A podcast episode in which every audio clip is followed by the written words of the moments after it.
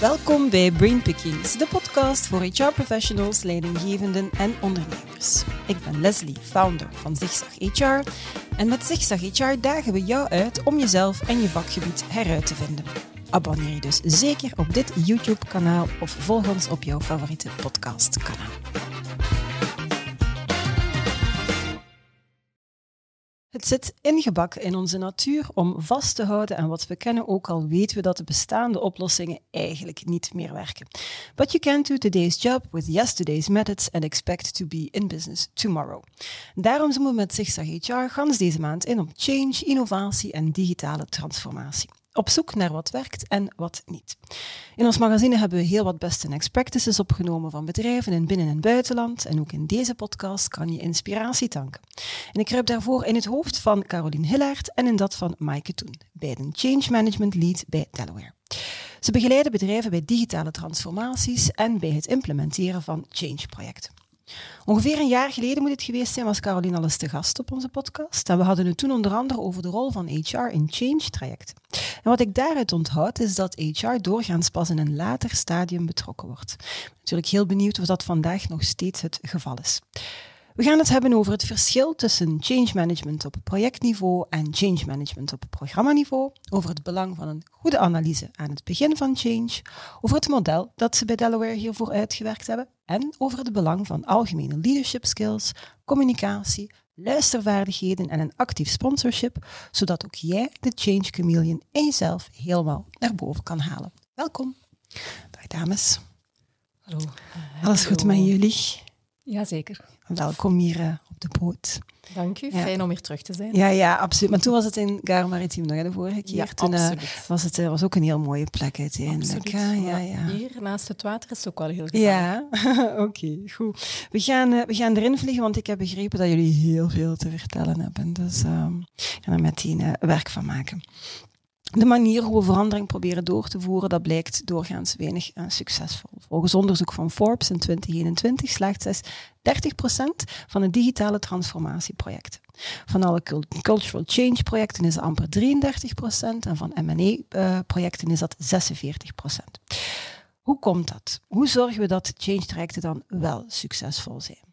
De juiste analyse aan de start van een change-project is cruciaal, hebben jullie mij gezegd in de voorbereiding. Want het is dan dat je de visie centraal moet stellen, dat je de juiste verwachtingen moet managen en dat je aandacht moet besteden aan de verschillende rollen en verantwoordelijkheden. Start met change aan het begin. Dat klinkt logisch, maar wat bedoel je daar heel concreet mee en hoe ziet dat er dan uit in de praktijk? En wie mag ik dat vragen? Caroline. Ja, het is eigenlijk zo dat change vaak nog als een optie beschouwd wordt. Maar wij zien eigenlijk dat er heel veel voordelen te halen zijn als eigenlijk change aan het begin van het project zelf eerder in de lead zit van een project. Mm -hmm. Omdat op dat moment de bedoeling is om heel veel kennis te gaan vergaren. En die kennis die moet ons dan helpen om nadien richting te geven aan uw project, maar ook richting te geven aan de organisatie van uw project. Dus als mm -hmm. uw project en uw organisatie er al staat, is het natuurlijk moeilijk om daarna ja. nog aanpassingen te doen.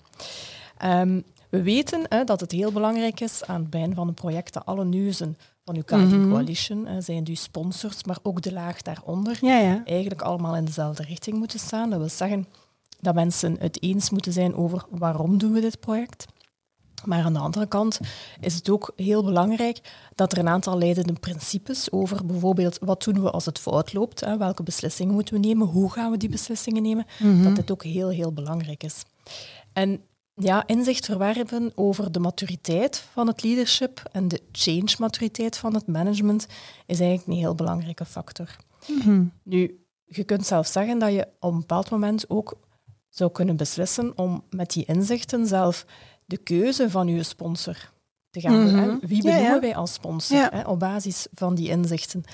Dat maakt het eigenlijk veel sterker. En ook bij het bepalen van rollen en verantwoordelijkheden, van wie plaatsen we in welke rol, afhankelijk van de competenties en de ervaring van de mensen, gaat er ook voor zorgen dat je eigenlijk een beter resultaat haalt. Mhm. Nu, dan is natuurlijk de vraag op welke manier doen we dat. Ja. We hebben daar een soort van business readiness assessment voor ontwikkeld. Dat is een soort van survey die we uitsturen naar een steekproef in de organisatie, met als doel om eigenlijk te gaan meten, niet alleen hoe klaar is de organisatie voor de verandering, maar ook te meten hoe klaar is het project zelf. Ja, ja. We hebben daar een aantal assen rond gedefinieerd, een aantal factoren waar we gaan meten.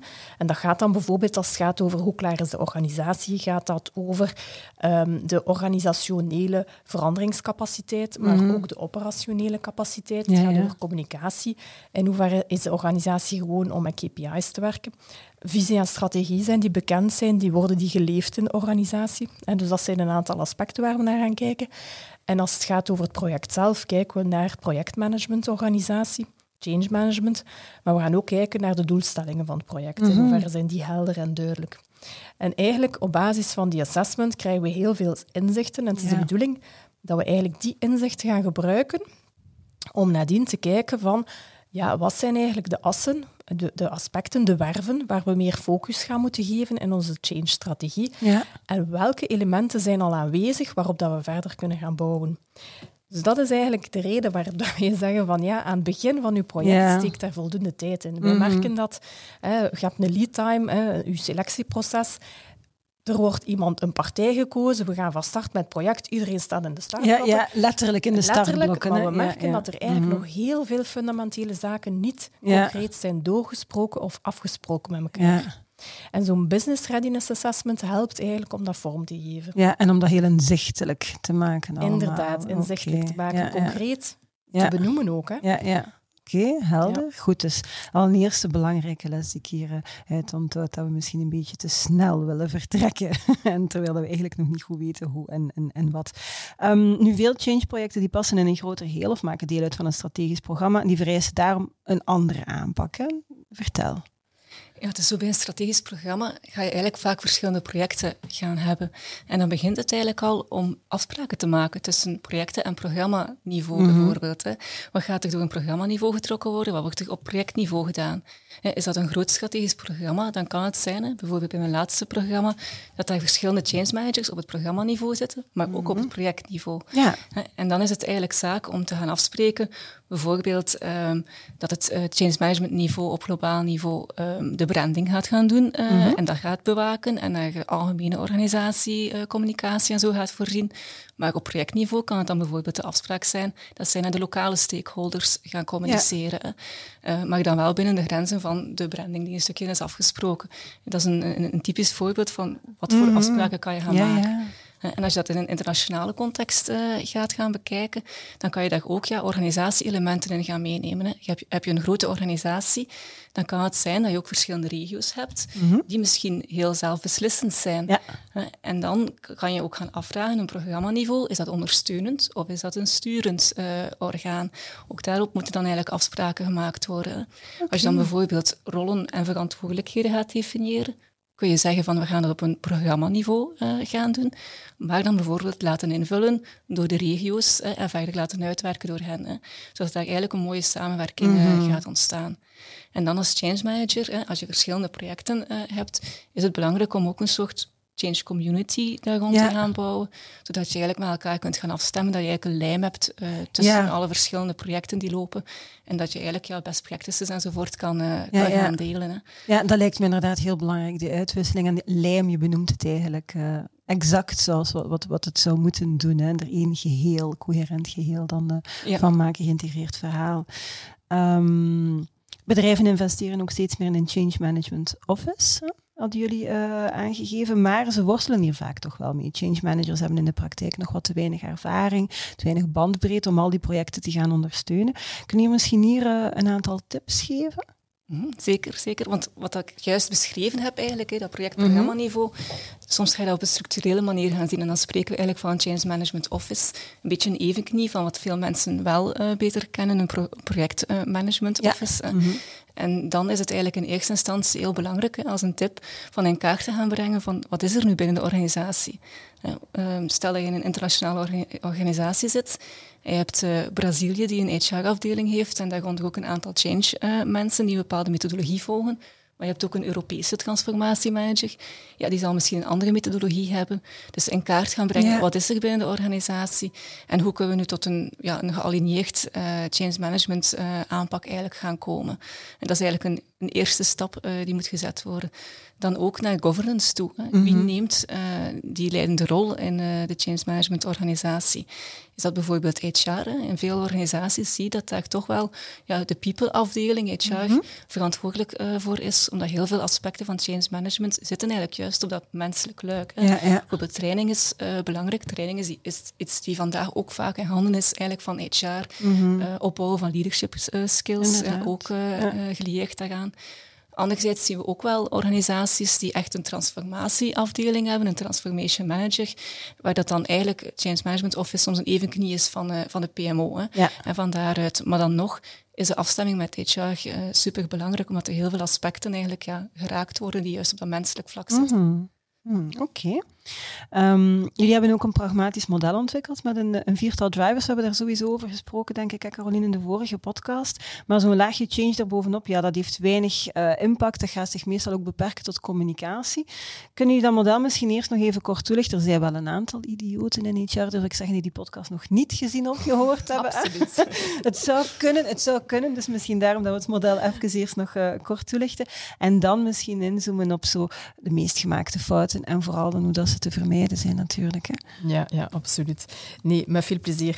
Ehm, ja, wij, we hebben dus inderdaad een pragmatisch model dat gebouwd is op vier drivers. En deze drivers die zijn een voorbereiding voor de organisationele verandering. Um, dan heb je uiteraard het versterken van het, uh, het, het leadership, het leiderschap, uh, het informeren en het managen van de verwachtingen van de verschillende stakeholders. En als laatste, waar dat Maaike ook al een beetje naar verwees, het stuk training en documentatie, wat ook heel belangrijk is. Hè. Twee van die vier hè, worden vaak wel uh, getackeld, maar eigenlijk zou je om succesvol te zijn toch wel aan de vier evenveel aandacht moeten mhm. besteden. Hè. Um, nu, wij helpen klanten of, of organisaties um, aan de start met die analyse. We gaan samen met hen de, de strategie gaan bepalen voor het, het change-stuk. We gaan dan de plannen, de concrete plannen en activiteiten gaan plannen samen met hen. Ook gaan kijken hoe kunnen we dat bijsturen. En we gaan dan ook helpen met het uitrollen van die plannen. Dat kan zijn tot organisationele zaken, maar ook tot, tot schrijven van communicaties. En dan is het de bedoeling dat we ook natuurlijk regelmatig meten en bijsturen. Mm Nu, um, wat voor ons heel belangrijk is, is uiteindelijk, um, als wij de organisatie verlaten, want als externe ben je daar altijd tijdelijk, ja. uh, is het eigenlijk de bedoeling dat we de change-vaardigheden van de mensen met wie dat we samenwerken op de projecten, dat die eigenlijk verbetert. Um, dat is eigenlijk onze droom, waarvan ja. wij warm en gelukkig worden, zal ik maar zeggen. Um, nu, waar ik steeds meer belang aan hecht in de projecten die we doen, is dat we eigenlijk als change manager integraal onderdeel uitmaken van het projectteam. Mhm. En dat het niet zomaar is, hè, het project is gestart en ah ja, we moeten nog iets doen met change management, want ah, we moeten toch goed communiceren en we moeten toch zorgen dat de mensen getraind zijn.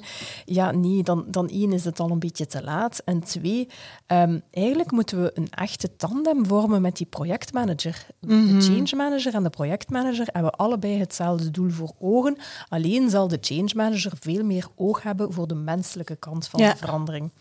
Nu, en dan ja, in die samenwerking, ja, hoe, hoe, waar kunnen wij dan veel aandacht aan besteden? Dus enerzijds denk ik is het heel belangrijk dat we eigenlijk um, ja, de mensen in het projectteam, hè, want als je zo'n groot project van een aantal jaar hebt, beginnen er veel voorbereidend werk waar dat eigenlijk alleen het projectteam bij betrokken is, is het heel belangrijk dat elk projectteamlid goed beseft wat zijn rol is in die verandering mhm. en welke impact dat hij daar kan op hebben. Ja. Um, en eigenlijk moet je daar een soort van groep van ambassadeurs van maken. Je moet mhm. zorgen dat de sfeer goed zit, dat mensen gemotiveerd zijn, want we weten in elk project zijn er hoogtes en dalen. Ja, ja. En dat mensen ook zo snel mogelijk weer uit die dalletjes kunnen, kunnen, uh, kunnen reizen. Nu, ja, anderzijds, hè, hele belangrijke structurele informatieuitwisseling tussen het projectteam, projectmanager en de change manager is zeer mhm. belangrijk.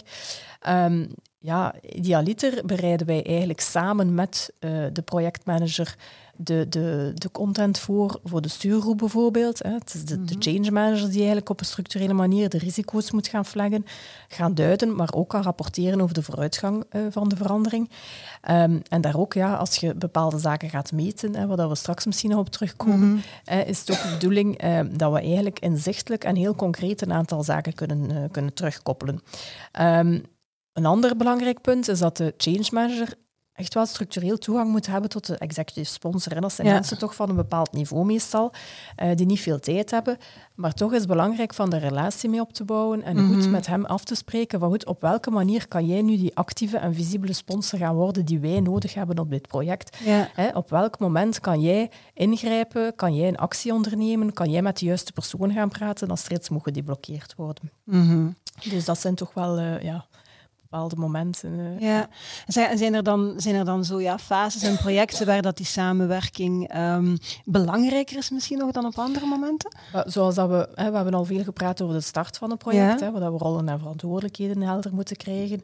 Ehm, maar ook in de blauwdrukfase, hè, Mhm. die is een typische fase die je vaak hebt bij digitale transformatieprojecten, zien we dat er vaak aandacht besteed wordt aan het inzichtelijk maken of zelf het hertekenen van een aantal pro- processen. Nu, ehm, er is zo'n beetje soms de droom, hè, als we een nieuw systeem implementeren, dat de nieuwe processen die uit dat systeem rollen, hè, dat dat ja, een wonderbaarlijke Ja. impact heeft op de organisatie en dat iedereen plots weet hè, wat zijn nieuwe rol is in dat verhaal, wat zijn nieuwe takenpakketten zijn, ehm, dat dat allemaal automatisch verloopt, maar dat is uiteraard niet zo. Dus eigenlijk in die blauwdrukfase vinden wij het heel belangrijk om eigenlijk de impacten te gaan verzamelen, capteren, prioritiseren die er zijn op eventueel andere processen, impacten op eh, manier van werken, op eh, verloningsmodel. Dat kan een heleboel verschillende zaken zijn. Die gaan wij allemaal gaan capteren. En het is de bedoeling dat we samen met de business owners gaan kijken van moeten wij hier actieplannen rond opzetten. En dus hè, we implementeren een systeem, maar aan de achterkant moet er ook veel gewijzigd Ja, ja. worden, moet er ook veel voorbereidend werk gebeuren. En te vaak gaat men ervan uit dat dat eigenlijk, ja, als dat niet benoemd wordt, dat dat wel gaat gebeuren. Ja. Maar je moet dat eerst benoemen. Je Mhm. moet dat concreet maken, je moet daar verantwoordelijke tegenover stellen, actieplannen tegenover stellen. En het is de rol van de change manager om dit te gaan faciliteren en ervoor te zorgen dat effectief die plannen ook effectief uitgerold worden. En als Mhm. we zien dat dat niet gebeurt, dan is het aan ons om te escaleren. Ja, hè. ja. Dan eh, moeten wij kijken van, Ja. goed, waarom blokkeert het? Hè, Welke menselijke aspecten zorgen daarvoor? Ehm, ja, en dan stoten we toch wel soms eens op verrassingen en de context. Ja, ja. Context van een individu die erachter zit. hè. Absoluut, absoluut. Meten is weten, je hebt het eh, daarnet ook al eh, een stukje aangegeven, hè, Caroline. Goede inzichten aan de start en doorheen het change track, die zijn cruciaal. Anders vaar je blind. Weet je niet waar en wanneer dat je dat plan gaat moeten bijsturen. Hè. Misschien, wat moeten we meten en hoe kunnen we dat dan meten? Kom ik voor bij jou, Mike. Maar Caroline haalde net al de key change impacts aan. Hè. Dus gaan, gaan in kaart brengen van waar zitten die veranderingen nu eigenlijk juist. hè. Dat is een heel belangrijke. De Business Readiness Assessment, die werd ook al aangehaald. hè. Is de organisatie klaar eh, voor de change? Of bepaalde aspecten die misschien nog iets eh, wat immatuur zijn en waar het moet aan geschaafd worden. Maar daarnaast hebben wij ook onze ADCAR-service. En dat staat eigenlijk, ADCAR eh, is eigenlijk een methodologie gelinkt aan ProSci in Change, een van de bekendste methodologieën. En elke letter staat eigenlijk voor, eh, voor eigenlijk, ja, een, een stap die genomen moet worden in de organisatie. En de A staat voor awareness, en dan heb je de desire, de knowledge, eh, adoption en dan reinforcement. En het idee daarachter is dat iedereen individueel door al die fases eigenlijk moet gaan om een verandering te kunnen doormaken. Dus in die service gaan we eigenlijk een set van vragen gaan hebben, waar we op elk aspect gaan gaan meten. hè. En dat gaan we gaan scoren tussen 0 en 5. En eigenlijk eh, moet je een soort grens van 3 gaan halen om naar de volgende fase over te kunnen gaan. Hè, Stel dat je nu scoort op awareness, hè, op, op bewustzijn van de verandering, twee in de organisatie gemiddeld, hè, dan weet je eigenlijk, ja, zijn de mensen nog niet echt eh, op de hoogte van wat gaat er nu gebeuren. Je ziet een verandering aan het aankomen. En dan ga je daar eigenlijk eerst meer moeten op inzetten voordat je bijvoorbeeld eh, ja, meer op die, die goesting eh, gaat Ja. gaan werken en op bijvoorbeeld kennis en trainingen.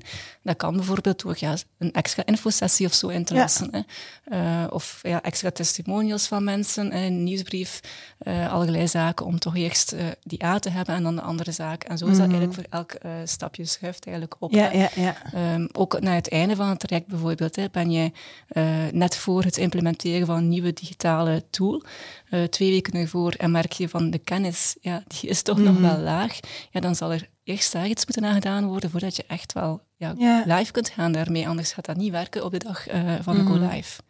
Ja. En naast de AdCard-service werken wij ook met experience monitors. En dat is eigenlijk eh, voor de projectmanager meer. Ja, dat wordt ook door, door hen eh, gedreven. En dat is om eigenlijk eh, een vinger aan de pols te gaan houden in het Ja. projectteam zelf. Hè. Want zij moeten ook ambassadeurs gaan zijn van de verandering. En als daar het niet helemaal goed loopt, ja, dan uh, gaan ze dat ook niet gaan uitdragen op de juiste manier naar de rest van de organisatie. Hè. En daarin komen echt ja, heel uh, algemene vragen uh, naar voren. Naar, van hoe vind je dat de communicatie verloopt? Is er mm -hmm. voldoende methode om, om feedback te geven? zijn de juiste stakeholders betrokken? Dergelijke zaken. Hè. En dan kunnen wij zien van ja, hoe scoort de klant, hoe scoort uh, Delaware zelf. Hè? Mm -hmm. En als er een te groot verschil op zit, ja, dan moet er gezocht worden van wat is de reden uh, daarvoor en hoe ja. kunnen we nu eigenlijk acties op gaan nemen om ook in het team zelf te zorgen dat alles eigenlijk mm -hmm. ja, mhm. echt wel uh, goed loopt en vlot loopt. Ja, dus eigenlijk bij elke nieuwe fase dat je doorgaat, toch even temporiseren, even kijken, meten en niet willen snilles, want ik, ik hoop, ik vermoed dat veel organisaties dat dan misschien wel doen, vaststellen van we zijn er eigenlijk niet klaar voor, maar bon, de tijd dringt, dus we gaan toch maar door duwen. En ik, in praktijk gebeurt dat helaas wel vaak. En dan is het jullie rol dan waarschijnlijk om te zeggen, we gaan toch nog even wachten en een aantal acties stellen voordat we doorgaan. Ja, en ook, ook, durven kijken naar de resultaten van zo'n ja. een survey. Hè, en daar ook echt iets mee te kunnen gaan doen. Hè, want je meet om het te weten. En dan moet je natuurlijk wel actie gaan nemen. Hè, Daarmee aan de slag daarop, gaan, uiteraard. Oké. Oké. Um, nu ook algemene leiderschapskills, luistervaardigheden, uh, een actieve sponsorhouding, communicatie. Het zijn eigenlijk allemaal belangrijke parameters om succes te gaan boeken. En als je medewerkers mee wilt nemen en betrokken wilt houden, moet je ook een frictieloze employee experience kunnen aanbieden. Kunnen jullie om, om het heel overzichtelijk te maken, de belangrijkste voorwaarden om change succesvol te voeren, door te voeren liever, kunnen jullie dat eens overlopen? Wat is nu echt absoluut vereist? Wat zijn zo de ultieme tips? Ja, er zijn veel zaken. Hè. Mhm. Maar als ik er een paar moet uitkiezen, ik heb er een, een stuk of vier opgelezen. De belangrijkste dan? Of de... Ik denk wel dat die heel belangrijk zijn. Mhm. ja. Is, um, ja, het gaat eigenlijk over enerzijds een stukje organisatie en anderzijds over ja, het gedrag dat je stelt, hè, dus mm. leiderschapskills. Um, maar ja, opnieuw hè, aan de start van het project voldoende tijd nemen voor mm. die, uh, die duidelijke governance-rollen en verantwoordelijkheden die heel belangrijk zijn. Um, kijken naar die change-maturiteit van de organisatie. Um, maar je had het er net al eventjes over, uh, Leslie, ja, die pacing, hè, mm-hmm. projecten.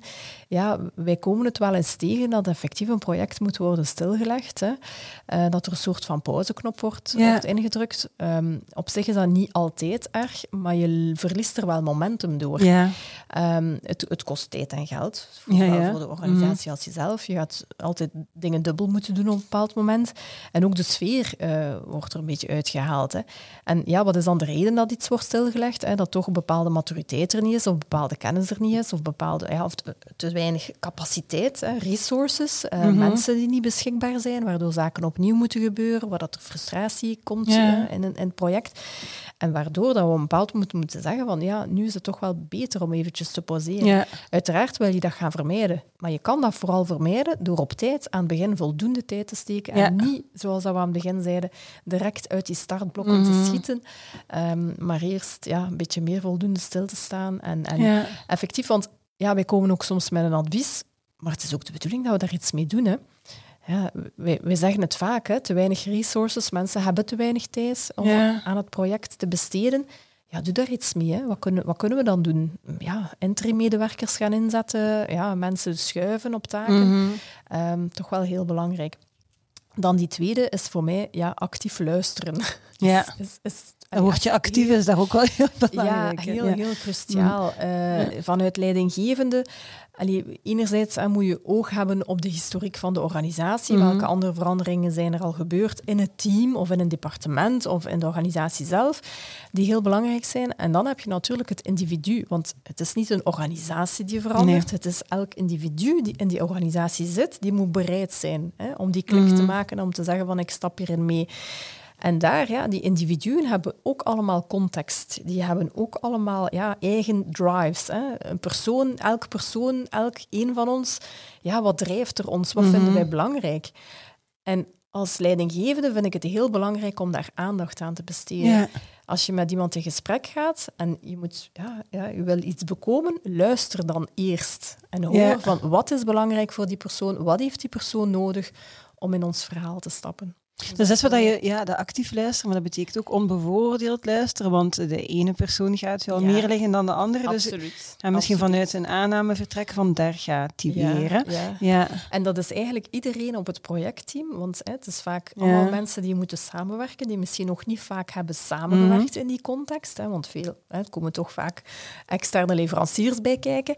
Um, dus het, dat actief luisteren geldt niet alleen voor leidinggevenden, maar eigenlijk voor iedereen die in dat project staat. Mm -hmm.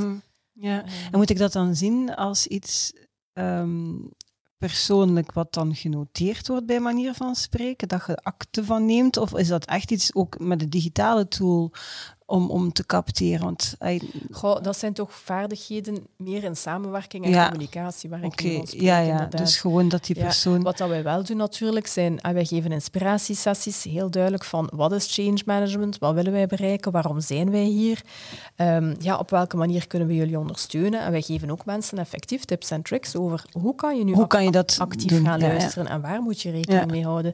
Dus we proberen, zonder te veel in de theorie te duiken, toch mm -hmm. wel tips en tricks te geven okay. Aan specifieke doelgroepen, afhankelijk van de fase van een project waar, ja. waar de noden zitten. Ja. Mm -hmm. Dus dat was actief luisteren. Ja, en dan eentje die er ook mee gepaard zijn. Hè. We, we, weten, uh, ja, zachte heelmeesters laten stinkende wonden, zegt men wel eens. Maar ja. dat is toch belangrijk. Hè. Als feedback niet gegeven wordt, Um, ja, transparante communicatie, feedback, super belangrijk. Mhm, Mm -hmm, um, mm -hmm. ja, ik, ik, kom er opnieuw op terug. Concrete rollen en verantwoordelijkheden. Ja. ja, je werkt met veel mensen samen op een team. En vaak zijn er soms projectteams van 50 tot 100 mensen hè, die, die eigenlijk wel op een bepaald moment betrokken zijn. Ja, het is heel belangrijk dat mensen doen wat, wat er ja, afgesproken is. En als dat niet kan, ja, dat we daar op voorhand samen naar kijken en, en ja. kijken van wat is de oorzaak dat dat niet kan. Ja. Um, maar die feedback en die transparante communicatie, we merken toch vaak, ja, we, we zijn soms te lief voor elkaar. Hè. We, hebben het we durven gewoon niet goed. Ja, ja, ja. We, we, hebben schrik om, om onze relatie op spel te zetten. Of om, maar uiteindelijk hebben we allemaal wel hetzelfde doel voor Mhm. ogen. En als er vertrouwen is, dan moet dat mogelijk zijn. Hè, Om die feedback om die feedback te, te geven. Op Absoluut. respectvolle manier, maar heel duidelijk. veilige manier, Ja, ja, ja. maar toch, ja. Ja, Maar de- we moeten de dingen durven uitspreken. ja. En, Ja, is dat nu onze Vlaamse cultuur? Ik weet het Ik denk het hoor. Historisch gezien hebben we zoveel op ons kop gekregen dat we gewoon zijn van stil te zijn en te zwijgen en, en het maar eh, te, laten, te laten gaan. Dat zijn er drie. Ik dacht dat je er vier ging benoemen. Of, ja, eh, de laatste ja? is een beetje ja, ondersteun leidinggevenden. Mhm. Eh, ehm, niet elke leidinggevende heeft heel, heel veel ervaring met change management. En dat merken we toch. Hè. Er worden wel stappen gezet en, en er is, het besef begint toch wel te groeien. Maar ik denk dat er toch nog meer nood is aan training Ja. voor leidinggevenden. eh, ja, om, Om die, die, ja, die kennis en die vaardigheden nog verder te kunnen, eh, te kunnen opbouwen. Oké. Externe coaches. Hè. Ja, uiteraard. Ehm alright, merci. Misschien eh, tot slot, en dan als ik eh, mag, dan kom ik graag eens bij jou terug daarvoor. Eh Maaike, uit, het gesprek van vorig jaar met Caroline en Barbara, toen heb ik onthouden dat, eh, en ik heb dat eigenlijk ook gehoord in verschillende interviews al ondertussen in deze maand, dat HR doorgaans niet of toch vrij laat in digitale transformatie en in change trajecten betrokken wordt. HR blijft ze nog wel vaak in die rol van uitvoerder zitten, van dit hebben we beslist en nu moeten jullie maar maken dat het gebeurt. Zitten eigenlijk zelden in die driver's seat. Welke rol kan of moet misschien eh, HR volgens jou, volgens jullie spelen in digitale transformaties? En wat heeft HR dan ook nodig om, dat, om die rol succesvol te kunnen gaan opnemen? Ja, ik denk dat, eh, dat HR echt wel meer in die driver seat Mhm. eh, moet gaan zitten bij digitale transformaties. Eh, en om een vergelijking te maken, eh, de customer experience, customer journey, zijn de termen die de laatste jaren ja, echt wel Mhm. bij iedereen denk ik eh, gekend zijn. En naar analogie horen we nu ook steeds vaker over de employee experience. Mhm. hè, van hoe gaan we eigenlijk gaan zorgen dat onze medewerkers goede ervaringen hebben doorheen hun hele traject eigenlijk bij de organisatie. En dat is eigenlijk echt wel een momentum voor HR om, om dat te kunnen Ja. gaan aangrijpen. Te zeggen van kijk, we gaan inzetten op employee experience, we gaan die touchpoints van een medewerker eigenlijk in kaart gaan brengen. En dan kan HR echt wel eh, meer eh, te zeggen krijgen in een, in een boardroom. Mhm. Natuurlijk, die kunnen dat niet alleen. Hè. Eh, je hebt ook altijd IT bijvoorbeeld bij een digitale transformatie. Maar dan kan je een sterk partnership gaan Ja. vormen. Hè. Echt vertrekken eigenlijk vanuit wat hebben onze medewerkers nodig. En dan in kaart brengen van ja, wat kunnen we daar dan eigenlijk aan gaan doen. Hoe kunnen we dat nu bijvoorbeeld met digitale tools bepaalde pijnpunten gaan oplossen. Hè. En ja, als je bijvoorbeeld kijkt naar een, een, een digitale werkplekomgeving, Mhm. als je daar eigenlijk bepaalde eh, stappen kunt vooruit gaan zetten en het leven eigenlijk van de mensen, van de medewerkers gemakkelijker kunt eh, gaan maken, dan ga je ook talent eigenlijk ook veel meer gaan behouden in de organisatie. Mhm. Dan gaan Ja. mensen veel meer eh, enthousiast, empowered eh gaan zijn. Geen frustratie. Ja, en we zitten in een periode waarin dat War for Talent echt Mhm. wel eh, op de agenda staat van, van eh, de CEO's. Dus die employee experience en daarop inzetten, Mhm. dat is echt wel het moment nu om daar eh, voluit voor te gaan. Dus dat moet HR aangrijpen. Zijn er dan specifieke zaken die een, een, een, een HR-professional moet leren of anders moet doen of, of, of, of beter moet in worden om die rol te kunnen gaan claimen en capteren en echt ja, pakken eigenlijk? Ja, ook het, het echt luisteren ook binnen de organisatie naar verschillende mensen van waar loop je nu eigenlijk eh, Mhm. tegenaan. hè. Eh, de listening-programma's eh, noemen wij dat dan. om dan echt, echt goed in kaart te kunnen gaan brengen van allee, wat loopt er nu niet, niet altijd zo goed. Mhm. Eh, en dat is echt uit vanuit je stakeholder gaan denken. En dat Ja, is ja. iets die heel eh, sterk aanwezig is in communicatierollen, eh, maar misschien iets minder nog vandaag in sommige andere rollen, zoals bij HR, van echt vanuit, vanuit dat aspect Ja. gaan vertrekken en, en zo gaan kijken van wat kan er verbeterd worden. Ja, het belang van interactie met de verschillende stakeholders en vanuit die informatie en wat ze daaruit halen, die rol meegaan claimen. Mag ik dat eigenlijk zo zeggen? Ja, Ja, zeker. ja, Ja, ja. Oké. Ja. En Alright. IT bijvoorbeeld ook als een volwaardige partner, Ja. daar een partnership eh, Ja, mee opbouwen en, en samen eigenlijk sterker worden in de organisatie. Samen sterker worden, dat wil ik inderdaad onthouden in plaats van naast elkaar, zoals het... eh, Ja, ik, ik denk ook, allee, we zien toch veel organisaties die al bezig zijn met engagement surveys of Mhm. well-being surveys. Ik stel mij vaak toch... Allee, ik denk dat er echt wel meer te halen is uit die integratie van de, de, de resultaten van die surveys mhm. en de digitale transformatieprogramma's die er zijn. Ja, Als die nu meer zouden kunnen gekoppeld worden aan elkaar en HR en IT echt wel ja, Ja. goede partners worden van elkaar, denk ik dat ze meer zouden kunnen bereiken. ja. Ehm, dus dat gaat een stukje over hoe positioneer je bepaalde projecten, maar dat gaat ook over ja, wat zijn de benefits die we willen uithalen. En ik denk als we bepaalde echte concrete pijnpunten van de medewerkers kunnen, hè, Mhm. we kennen ze allemaal, hè, we moeten te veel zoeken naar ons document. Ja, en, ja. eh, ja, al die administratie die we... We verliezen uren om de documenten te vinden, maar gewoon voilà. ons werk te kunnen doen. Dus ja, bepaalde self-service tools die toch niet zo helemaal Mhm. self-service zijn of die Mhm. toch eh, niet altijd even vlot lopen. Ehm, ja, als we daar ja, IT en HR de handen Ja. in elkaar kunnen slaan om die pijnpunten op te lossen en ervoor Ja. te zorgen dat we echt die frictieloze momenten kunnen creëren, die belangrijke momenten die, die belangrijk zijn voor de medewerker, dan denk ik dat er minder frustraties zouden zijn. En misschien op lange termijn zou het ook wel een impact kunnen hebben op de work-life balance en Ja. op het algemene well-being van... Nu goed, hè, er zijn nog veel, hè, veel verschillende Er spelen nog andere zaken ook. maar Absoluut. ik, dus ik, dat heb, ik, eh, ja, ja, ik wil nu niet volledig hè, alles Nee, daar nee. koppelen. Maar ik denk toch wel dat er... eh, het pleidooi voor een partnership inderdaad met absoluut. IT heb ik... eh, Ja, en daar gehoord. ja, op een goede manier een analyse rondvoeren. Van ja, we, we, we hebben een aantal digitale transformatieprojecten, maar goed, waar kunnen we zorgen dat die employee Ja. experience daar een stuk in wordt meegenomen? Ja. En als we daar op voorhand over gaan nadenken, gaan we uiteindelijk veel meer benefits realiseren. Mhm. Ik zie het ondertussen maar- allemaal tekenen, Ja, terwijl ja. dat je het aan het uitleggen zit, zit je het al helemaal aan het tekenen op je blad. Ik zie het. eh. Oké, maar het is eh, een, een, een heel belangrijk pleidooi. En ik heb het eh, met het terugkeer naar kantoor in een aantal organisaties ook al gehoord. En als ik zeg van wie zijn uw belangrijkste partners nu om dat verhaal hier terug hè, Mhm. opgestart te krijgen, wordt IT inderdaad al meer en meer als, als partner genoemd in een digitale omgeving, digitale transformatie. Meer dat partnership. Dus ehm alright, oké. Nog zaken of kunnen we het eh, hierbij afronden? Ik zie nog een kleine frons hier en Ik daar. denk dat we toch al veel... Maar absoluut hoor. Ik wil gewoon hebben. absolute zekerheid dat jullie alles verteld hebben wat jullie wilden vertellen. Alles niet, maar toch de dingen die we vandaag De hebben verteld. essentie. De essentie, oké. Ça va, dan eh, wil ik jullie heel erg hartelijk bedanken voor eh, jullie inspiratie, voor jullie informatie, voor het kader, de tips die jullie gegeven hebben. Hartelijk bedankt daarvoor. Heel graag Dank gedaan. Dankjewel uh, ook aan jullie om te kijken of om te luisteren. Vond je deze podcast fantastisch? Vertel dat dan natuurlijk aan zoveel mogelijk mensen verder. Heb je honger naar meer? Weet dat er op ons YouTube-kanaal of via Spotify of Apple Podcasts, wherever uh, dat je ook maar ons volgt, dat er nog minstens 160, 170 afleveringen voor jou klaar zijn om te bekijken of te beluisteren.